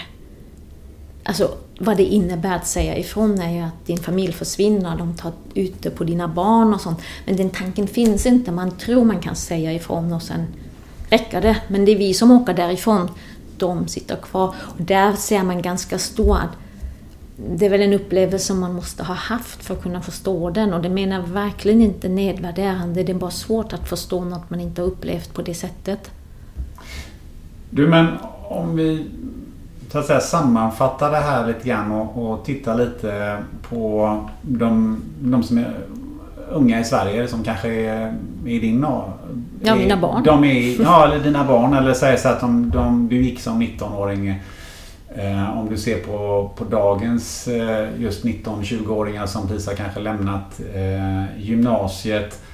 Ehm, vad skulle du vilja säga till dem ehm, just när det gäller de här demokratiska fri och rättigheterna? Särskilt i, vi även i Sverige har en del strömningar eh, som ju kanske eh, åtminstone vill ta bort delar utav, den här, utav de här rättigheterna. Eller åtminstone ha dem i sin egen ägo. Vad skulle du vilja säga till dem?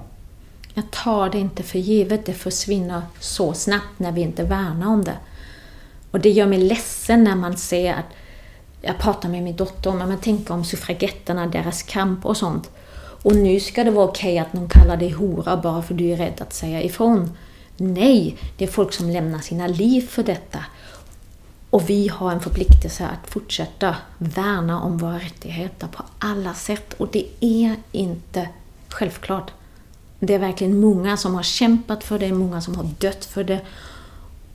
Och titta på Ryssland, det försvinner snabbare än vi tror.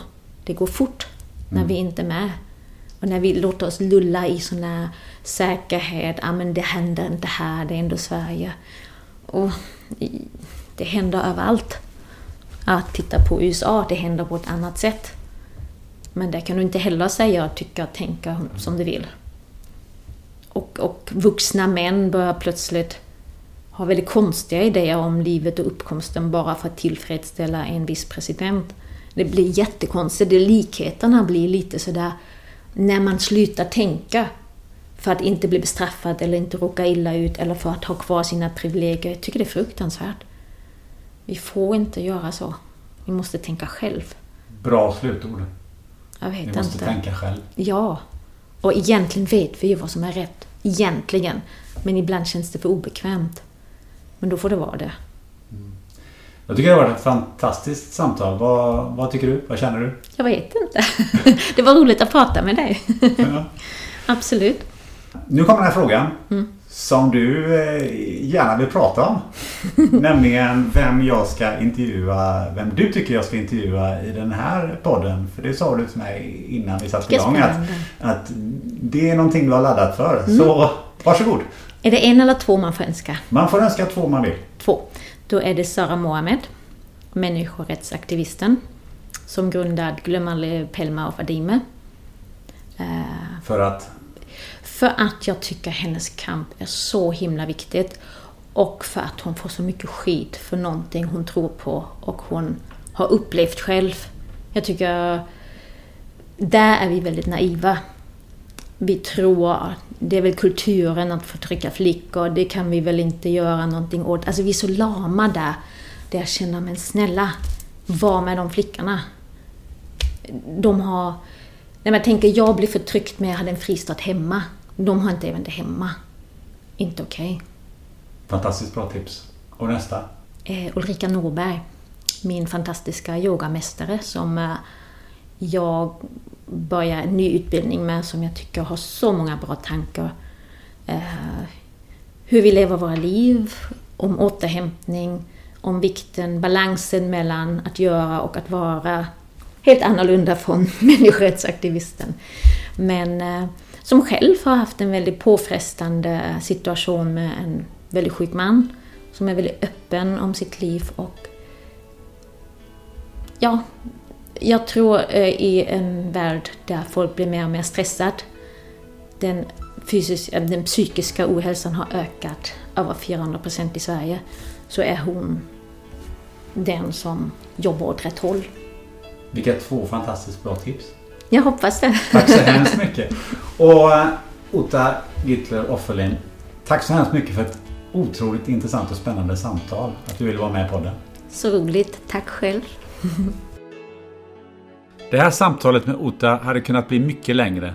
Bland annat så berörde vi inte det hon nämner i slutet, nämligen hennes yogaklasser. Vill du stifta bekantskap med den delen av Ota så tycker jag du ska titta in på webbsidan anahata.se. Nästa torsdag är då blir det mycket snack om ledarskap med ingen mindre än Kristina Langgren Karestam.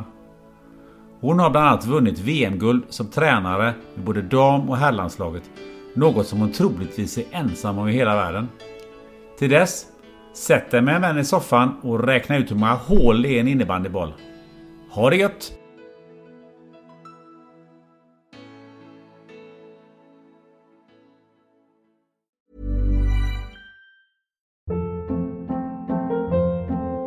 Hold up. What was that? Boring. No flavor. That was as bad as those leftovers you ate all week. Kiki Palmer here, and it's time to say hello to something fresh and guilt-free. Hello Fresh. Jazz up dinner with pecan-crusted chicken or garlic butter shrimp scampi. Now that's music to my mouth. Hello Fresh. Let's get this dinner party started. Discover all the delicious possibilities at hellofresh.com.